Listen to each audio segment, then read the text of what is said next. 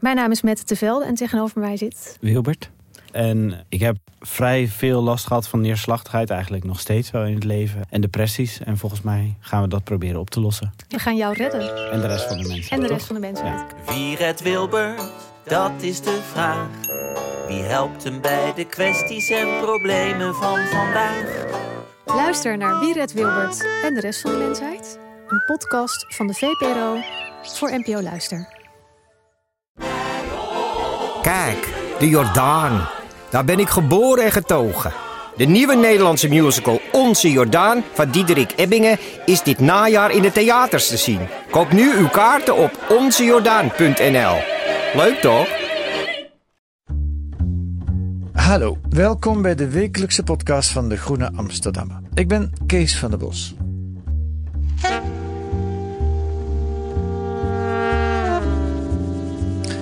Boomwaarde, bomenmonitor, boomtaxateur. U gaat vandaag nieuwe woorden leren. Boomchirurg, dat woord kende ik wel, maar dat komt nu net weer niet voor in het artikel dat Frank Mulder deze week schrijft in De Groene over bomen, met name in de bebouwde kom. Eh, dag Frank, welkom in de podcast. Dag, hallo. Ehm, je bent freelance journalist, regelmatig te vinden in De Groene, maar ook in Trouw onder andere. En je schrijft over techniek, natuur, geloof, filosofie. Ehm, wat moeten we nog meer over jou weten? Ehm, ik eh, ben een Utrechter. Een echte Utrechter. Dus, eh, Van, van geboorte of geboorte? nee, nee hoor. Ik woon in Utrecht. Ik woon in Utrecht Overvecht. Ja, En eh, ik woon aan een, aan een plein waar weinig bomen op staan. En daarom, mis- misschien ben ik daarom ook extra geïnteresseerd in het onderwerp. ja, want je hebt al eerder over bomen geschreven. Ik Ja. kwam een artikel van eh, 2016 van je tegen over eh, bomen, een bomenman uit eh, Duitsland. Daar gaan we het ook nog over hebben. Leuk. Ehm, waarom, ja, je begon er eigenlijk zelf al over. Waarom over bomen? Ja, die heb ik denk ik eh, een beetje ontdekt de laatste paar jaar. Ik, ik, ik, heb, het, ik heb me gerealiseerd dat ik eigenlijk meer eh, automerken ken dan eh, boomsoorten. En dat, dat, dat vond ik eigenlijk wel schokkend. Heb je een auto ook? Eh, ja, ik, heb, ik deel een auto met iemand, ja. Ja. Ja, ik weet wel de kleur. Het merk vergeet ik altijd. Maar nee, maar nog zelfs dan nog. Je, je- als kind leer je eigenlijk heel weinig boomsoorten. Op, op school heb ik volgens mij niks geleerd. De, de, de dennenboom. Dat, Ja. dat wist ik nog. ja. Dus als je dan in de natuur bent, dan zie je eh, een soort groene waas. Van, bo het zijn bomen. Als, ik, ik heb de laatste jaren eens eh, wat meer gestudeerd en eh, boomsoorten geleerd. Ik, volgens mij ken ik alle belangrijkste Nederlandse bomen nu wel. Die kan ik herkennen. maar En wat voor wereld gaat er dan open? Dat is zo'n, het zijn zulke mooie kunstwerken. Zo, de- er zijn zoveel eh, soorten en afwijkingen. En als je die een beetje leert kennen, dan. ja, ik werd er heel enthousiast van. En hoe komt het? Waar komt die, die, die, hoe is het begonnen? Waar komt die belangstelling vandaan? Nou, misschien wel omdat ik in de stad woon en het mis. Ik, eh, als ik voor mijn huis sta, zie ik geen, dan hoor ik geen vogelgeluiden eigenlijk. En dat vind ik eigenlijk eh, een beetje bevreemdend. Eh, Mhm. ik had nog zo'n nog zo'n hele rare ervaring. Ik wou, ik wou met een paar jongens uit de buurt, een paar Marokkaanse jongens die best wel lastig zijn. Ik had afgesproken, wij gaan een keer gewoon lekker fikkie stoken ergens. Maar we doen het legaal. Dus eh, ik ben naar de politie gegaan en gezegd, waar zou ik dat kunnen doen? Want ik wil eh, deze jongens even meenemen de natuur in en gewoon even laten voelen wat het is om buiten te zijn. Want dit, dit is niet gezond, dit, dit betonnen leven hier. Wat denk je zelf? Ja, dat, dat- dat mag natuurlijk niet. Nou, er was geen sprake van dat ik ergens in Nederland een fikkie zou mogen stoken met die jongens. Ja, toen dacht ik, we zijn ook elkaar gek aan het maken in de stad. Ja. Je kan niet eens, ik hoor geen vogels en ik mag geen fikkie stoken. Dat zijn toch twee, twee dingen waar, waar, waarvoor jij onder andere als gemaakt bent als mens. En heb je fikkie gestookt? Ja, ja dan maar zonder de politie. Ja. Ja. ja, dat is goed gegaan. Ze zijn niet op je Nou, afgekomen. nee, maar, nee, maar dat is dus heel interessant. Die jongens, die waren, dat is vijf minuten fietsen. Die, die jongens waren daar nog nooit geweest. Het is een bos op, vijf, op vijf minuten afstand van mijn wijk, Overvecht. Ja. En jongens die daar eh, al, al 16 jaar wonen, zijn nog nooit aan de overkant van de weg geweest in het bos. En die vonden het heel eng. Zijn hier eh, wilde dieren? En eh, nou, dat, eh, dat soort, door dat soort ervaringen denk ik, we zijn iets, we zijn hier heel erg iets aan het, aan het missen, aan het, we zijn aan het scheef groeien. Ja. En laten we, laat ik eens wat, wat meer na gaan nadenken over bomen en bossen, natuur, wat dat betekent voor ons. En kan het ook in de stad? Of bijt dat elkaar? Ja. Ja. daar gaat je verhaal met name over. Maar even nog over jou en bomen. Eh, je zegt sinds een paar jaar ben ik me erin aan het verdiepen. Eh, zijn bomen voor mij ook verschillende soorten bomen geworden. Ja. Is dat zelfstudie of wat doe je? Ja, ik heb gewoon zo'n oude bomengids uit de tweedehands winkel gehaald. En ik eh, ben ze aan het bestuderen. Kijken of ik ze kan herkennen. Ja, ik begon bij vier en dan het jaar daarna 16. En dan elk jaar kan je dat verviervoudigen. Ja. Dat is heel moeilijk. Ja. Heb je ook een lievelingsboom? Nou, eh, nou misschien de, de, de grove den die je op de Veluwe ziet. Dat vind ik wel eh, zo'n mooie uh, savanne-achtige sfeer. De Gro- grove, de grove den, hoe ziet die eruit? Ja, precies. Dat is de meest voorkomende boom ongeveer in Nederland. En je, en je weet niet hoe die eruit ziet. Dat, dat, Het is geen kerstboom, maar dat is een echte Nee. hoge. Het is een hoge den met zo'n roodbruine stam. En wat veel wat dunner, eh dunner bladen, eh naaldendak dan de spar. De, de Oké. kerstboom. Oké. Ik heb me ooit laten vertellen dat sparrenbomen de macho's onder de bomen zijn. Oh, ja? Ja, de, de beuken zijn meer voor als je een eh, probleem hebt in je relatie en je wil daar eens over nadenken, dan kun je bij een beuk te raden gaan. Oh. Maar als je, als je hard loopt en je wil Ja. even bijtanken, dan kan je beter bij een spar zijn. Het bijtanken om, eh, Om tegenaan, om te, tegenaan te leunen. Ja, ja. Oh, goh. En die beuk, dat vind ik wel interessant. Die geeft ook advies. Of, Nee, dat zul je toch zelf moeten doen. Alhoewel, Oh ja, het was in een, in een documentaire die ik maakte voor de humanistische omroep. We spreken nu over 25 jaar geleden. En daar zaten wel tal van mensen die echt praten met bomen. oh ja. Nou, dat, nee, die neiging heb ik niet. Nee. Nee. Zijn bomen wel individuen? Ik bedoel, hebben ze karakter? Zijn, het, eh, zijn ze verschillend van elkaar? Of lijken alle grove dennen op, op een grove den? Nou, dat verschilt per boom. Sommige bomen zijn klonen van elkaar. Eh, ik, eh, de populier bijvoorbeeld, dat is, eh, ik weet niet meer hoe dat heet in de biologie. Maar die hebben allemaal dezelfde genen. En, Ja. er zijn ook bomen die, dat zijn, geloof ik, noem je dat zaailingen. En die, elk individu is anders. Ja. Maar voor jou? Nee, nee, ja. Ik, ik, ik, ik, ik vind het, zijn, het is wel leven. Het zijn organismes. Ja. En, dat, dat is een hele fascinerende wereld. Ze hebben ontzettend veel zintuigen bijvoorbeeld. Ja. Maar ik zou dat niet als een individueel wezen zien, denk ik. Ze communiceren Maar, eh, ook met Maar elkaar. ze communiceren wel. Ik las een artikel van jou van vier jaar geleden in De Groene over beuken. Ja. En die, eh, die, eh, die communiceren met elkaar. Ja, die, je kan soms in het bos wel eens van die stompjes oude dode beuken zien. Ja. En dan krap je de, de, de schors eraf en dan leven die nog. Ja, Dat kan eigenlijk niet, Dat die hebben niet. geen Dus- bladeren. Dus bla- blijkbaar hebben die, dat gaat niet zozeer over communicatie, maar die krijgen dus blijkbaar voedingsmiddelen nog via de wortels van andere beuken. ja, En er zijn jonge boompjes die in de schaduw staan en veel te weinig zonlicht opvangen om van te leven. En die groeien toch. Die blijken van de moederboom sappen te, eh, zoet, eh, eh, suikers te krijgen. ja, dat is echt serieus. Ja, Dat is, is- dat is ja. onderzocht, hè? Een soort dat is- borstvoeding. Dus dat is het, en dat verschilt ook natuurlijk weer per boom. Maar de beuk is zo'n boom die dat kan. Die is een oude, langzame schaduwgroeier. Ja. Ja, dat, eh, daar zit een wereld. eh, er zit toch, toch een wereld. Het is een soort kosmos bijna die je niet kent. Ja. Ja. Ja. Oké, we gaan uit het bos en we gaan naar de stad. Ehm, hoeveel bomen staan er in Nederland, weet je dat? Ja, de- dat, is de, dat is nu geteld. Dus ik heb de primeur. Eh, ja, de- moet ik dat al verklappen? Ja, er Ja, zijn, er verklap zijn het maar. 82 miljoen bomen geteld. En eh, eh, met, op basis van luchtfoto's speciaal software voor ontwikkeld om bomen te herkennen. ja, En eh, dat is een beetje conservatief, want in natuurgebieden staan bomen natuurlijk ook onder elkaar. Dat kan ja. je niet zien vanuit de lucht. Dus eh die, de, de, het bedrijf dat, dat die telling heeft uitgevoerd, die houdt het op 100 miljoen.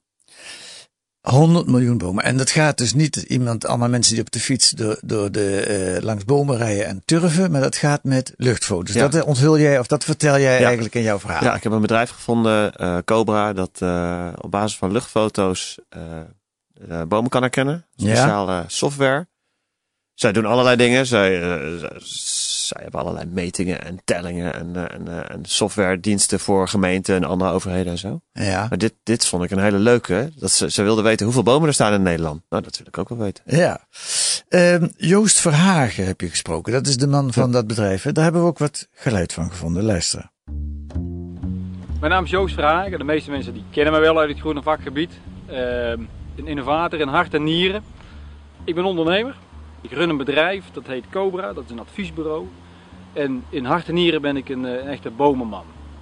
Ehm, er zijn nog eh, zoveel ideeën uit te werken waar het gaat om, eh, om, om de klimaatveranderingen. Wat je daar in feite als, als, als groene vak, vakman kunt doen. Ehm, eh, niet alleen de groeiplaatsconstructie, maar ook gewoon heel slim omgaan met welke bomen planten op welke plek. En zijn die wel toekomstbestendig. Ehm, dus ik denk dat er een heleboel te doen is als we de koppen maar bij elkaar steken. Dat we als we de, als groene vakwereld de koppen bij elkaar steken en niet heel argwanend naar elkaar kijken. Al dus Joost Verhagen. Beschrijf hem eens. Ja, eh, hij eh, is een uh, Brabander, dat kan je horen. Ja. En hij, eh, de, hoe heet dat gebied? Bij, vlakbij Kuik. Dus een, tussen de Peel en Nijmegen, zeg maar. En eh, ja, hij is volgens mij zo'n duizendpoot die alles tegelijk doet. Dus hij heeft een kerk gekocht om zijn bedrijf in te huisvesten. Wil dat helemaal duurzaam inrichten. Dus eh, zit volgens mij het liefst zelf in de, de pelletketel te rommelen om dat nog duurzamer te krijgen. En is ondertussen bezig om, eh, om hout te bewerken in de tuin. En eh, is een dataafdeling uit de, uit de grond aan het stampen om luchtfoto's te bekijken. Dus het is wel zo'n duizendpoot. Het is niet En, direct... en hij is taxateur. Ja, bomentaxateur, daar hebben we het woord. Wat is dat? Ja, dat, eh, hij kan de waarde bepalen. De, eh, volgens mij heet dat de vervangingswaarde van een object. In zijn geval bomen. Ja. Hij is eh, echt geregistreerd taxateur. Ja, En hij kan dus, als er bijvoorbeeld een boom is beschadigd bij, bij, bij graafwerkzaamheden, kan hij uitrekenen hoeveel het kost om zo'nzelfde boom of diezelfde waarde aan groen terug te brengen. ja, we gaan nu helemaal weg van de spirituele kant. Ja. eh, jouw verhaal staat er ook bol van, van dit soort eh, harde gegevens, die Ja. met name Joost Verhagen, maar ook andere mensen, maar zijn bedrijf ook, Ja. die geeft het groen, de groenwaarde of de waarde van bomen, geeft die economische cijfers, geeft die cijferwaarde. Kun je er iets meer over vertellen? Hoe doet hij dat en waarom doet hij dat? Ja, bij Cobra, hij en zijn collega's die, hebben me uitgelegd dat, dat eh, bij de, de afdeling groen van gemeentes vaak een gebrek is aan cijfers en aan eh, objectieve eh, metingen over wat zij nou eigenlijk aan het doen zijn en wat dat betekent ook voor de gemeente, en voor de, de, de waarde van de grond. En, en zo, zo leggen de, die afdeling het vaak af tegen de, tegen de wat hardere sectoren. Bij bouwprojecten is het heel makkelijk om wat groen te schrappen en wat koophuizen terug te brengen. Ja, dat- dat- dat is de, dat, ja, dat moet. Dat de rekensom die, die toont aan dat we er huizen bij moeten bouwen. Maar groen heeft geen waarde. Dus zij proberen dat in de, in de som te krijgen. Eh, door, door te tellen. Door de waardes aan te hangen. Eh, maar goed, daar hebben ze dus ook een taxatiemethode voor. ja, Door de, dat is allemaal hogere wiskunde. Maar eh, kunnen ze uitrekenen hoeveel een boom waard is. En dan niet de opbrengsten van een boom. Dus niet hoeveel CO2 of biodiversiteit of wat dan ook die oplevert. Dus Nee. proberen ze ook, eh, ook in kaart te brengen. Ja. Er zijn andere tools voor. iTree heet dat. ja. Maar dit verhaal ging over dat hij taxeert. En dat is wat je moet doen om wat de investeringen, welke investeringen je nodig hebt om daar te komen. Om zo'n boom te krijgen. Bijvoorbeeld op een monumentale plek in de stad. Stel dat zo'n boom wordt beschadigd. ja. Die functie heeft een bepaalde waarde. En een bepaalde aanlooptijd voordat zo'n boom die functie bereikt. Nou, dat kost dus heel veel geld om En- dat terug te krijgen. En wat drukt hij dan uit in waarde? Want hij zegt, het is niet de CO2 die, die die opvangt. Of het is ook niet fijn stof die die opvangt.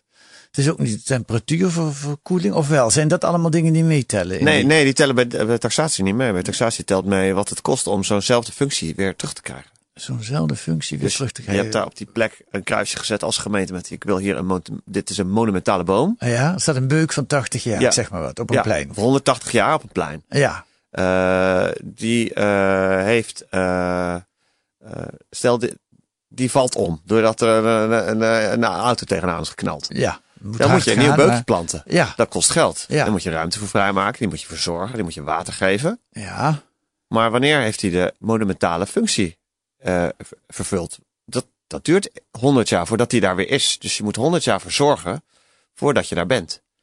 Dus die kosten moet je dus inclusief de rente, eh, eh, die, moet je, die rente daarvan moet je meerekenen, terugrekenen in feite. Ja, Eh, zo kom je al uit op een soort, ik geloof dat het vervangingswaarde heet. Zoveel schade heb jij dus eigenlijk de stad berokkend als jij die beuk omrijdt. En dat is ook eh, gehonoreerd in, door een rechter bijvoorbeeld een keer, eh, misschien wel vaker, maar je beschrijft in je artikel dat die ehm, eh, Joost, weet je ook weer? Joost Vragen heeft een keer inderdaad in de rechtszaal moeten, moeten voorrekenen hoe duur de schade was. Hoeveel de schade was die een, een, volgens mij een kabelbedrijf Ja. had aangericht aan, aan heel veel bomen. Ja, En waar kwam ik op uit? Eh, Anderhalf miljoen. Ja. Eh, en de rechter heeft dat gehonoreerd. En toen zei dat bedrijf, dus tegen zijn aardsvijand, zeg maar, in die rechtszaal.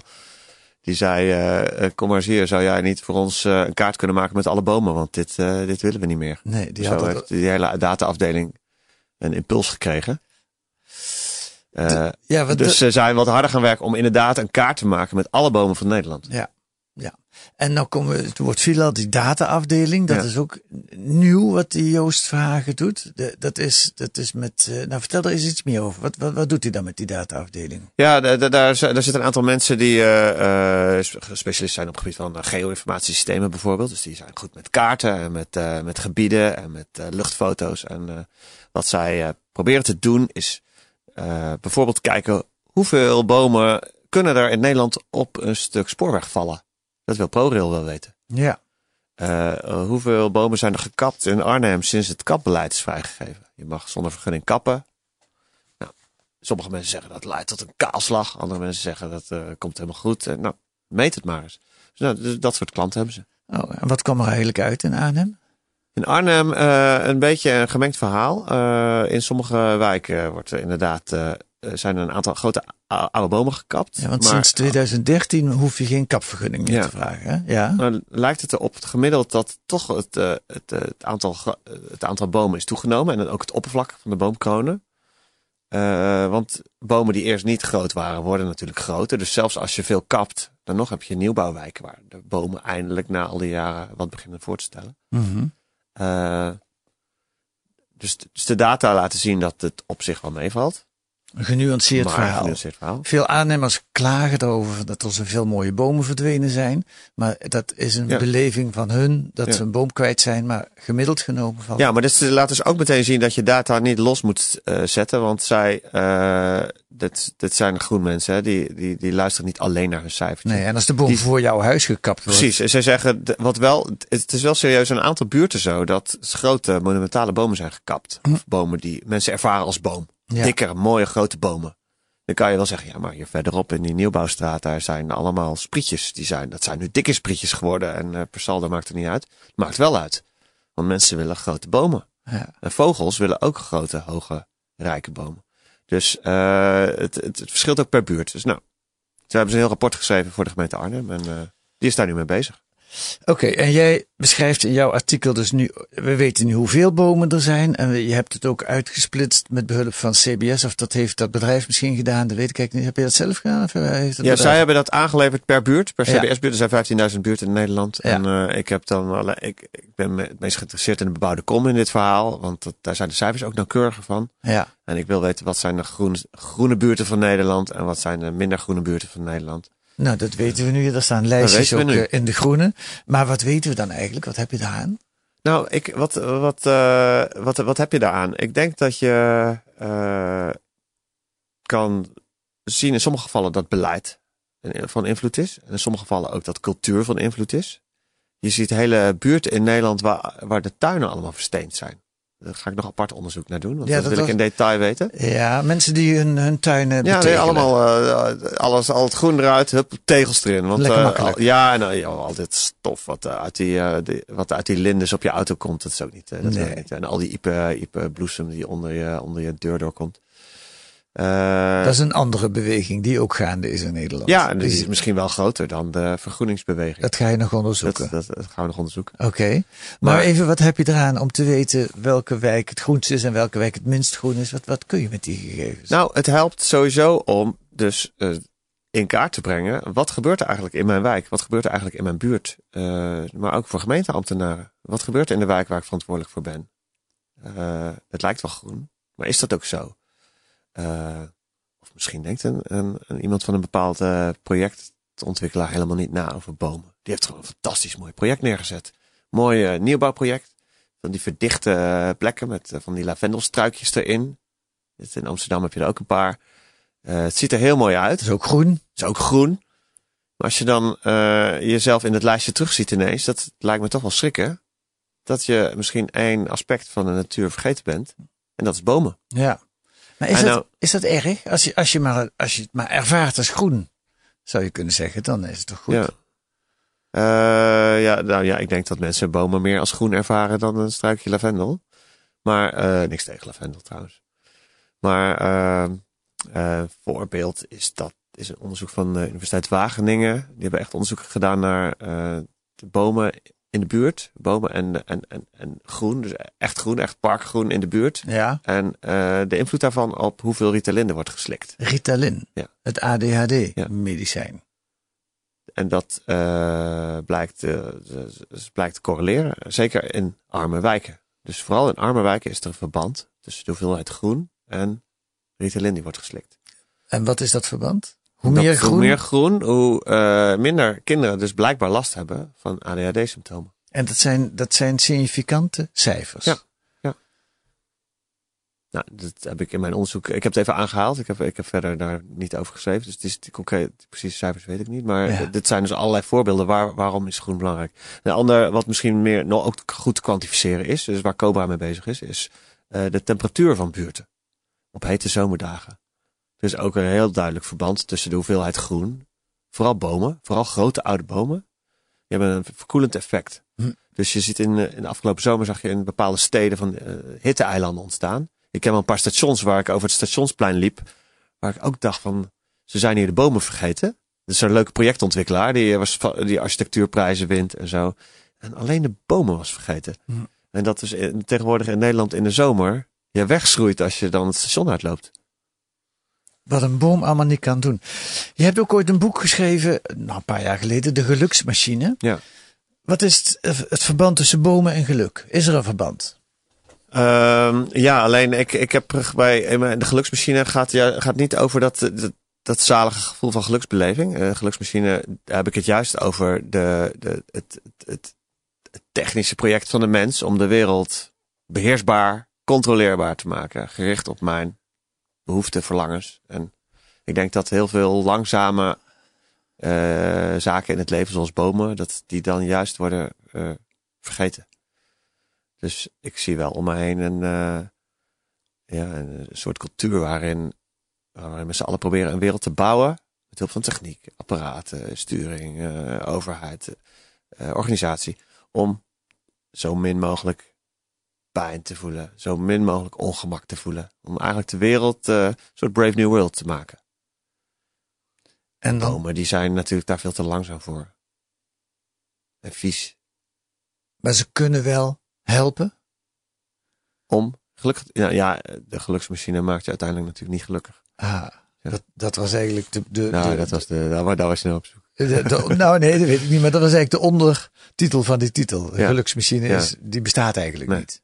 Nee. Goed, dat moeten mensen allemaal maar lezen. Of in jouw boek, of in jouw eh, artikel deze week in De Groene. Nog één, één vraag over dat artikel wat je eh, vier jaar geleden schreef. Van die man in Duitsland. Die, met een Peter de boswachter. Ja, Die, die ook een eh, fantastisch boek geschreven heeft over het spirituele kant van, of nou eigenlijk over bomen, waarin ook de spirituele kant van bomen een Ja, dat was een beetje de kritiek. Ik was het daar niet zo mee eens. Eh. Boswachters die, eh, die zijn er niet zo fan van. Ik had wel boswachters gesproken die eh, echt eh gruwelijke hekel aan, aan het boek hebben. Oké. Omdat ze dat spiritueel vonden. Maar zo kwam het bij mij helemaal niet over. Hij beschrijft het le- eigenlijk het, le- het verborgen leven van bomen. Dat is de ondertitel. Ja, En hij beschrijft hoe zij communiceren. En hij doet dat een beetje antropomorf. Dus volgens mij is dat meer een stijlfiguur. ja, Van nou, de, de eik wil graag groeien. Nou, dat mag natuurlijk niet van biologen. ja. Dus ik ben toen naar hem toegegaan in Duitsland. eh, om te zien wat, die, wat dat nou praktisch betekent. Want hij is ook gewoon een boswachter. En hij moet ook hout kappen. Dus zo spiritueel doet hij dat helemaal niet. Nee. En dat maakt het, vind ik juist ook heel mooi. Hij doet dat met oog voor de lange termijn. En hij heeft andere methodes. En eh, hij kapt alleen resthout. En hij wil geen monoculturen van sparren. En hij, hij kapt uit met paarden. En niet met zware machines die de bodem vernielen. Maar hij doet dat dus eh, op een, met een goede, hij heeft een goede business case. Ja, ja, hij Dus doet het met ouderwetse methodes, maar hij berekent erbij dat het de opbrengst per hectare bij hem Ja, daar moet groter hij ook is. van leven. Ja. ja. Ja. En zijn bomen staan langer, zijn gezonder. eh, nou, dus, eh, lees dat verhaal. Ja. Het verborgen leven van bomen van Peter Wolleben. Goed, uh, Frank Mulder, dankjewel voor je toelichting. Graag gedaan.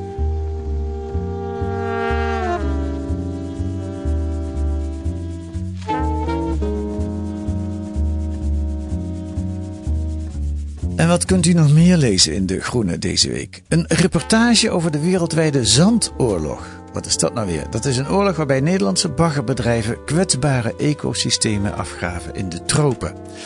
En een achtergrondartikel over de IND, de Immigratie- en Naturalisatiedienst. Hoe onderzoekt die of een asielzoeker minderjarig is? Dat allemaal en meer te lezen in De Groene van deze week. Volgende week zijn wij er weer met analyses en achtergronden bij het nieuws in deze podcast van de Groene Amsterdammer. U mag ons ook sterren geven of een kleine recensie schrijven. Dat kan in de podcast-app waar u mee luistert. Deze week werd de Groene Podcast gemaakt door Demi Baumheur en Kees van der Bos. En de muziek is A Tune for N van Paul van Kemenade.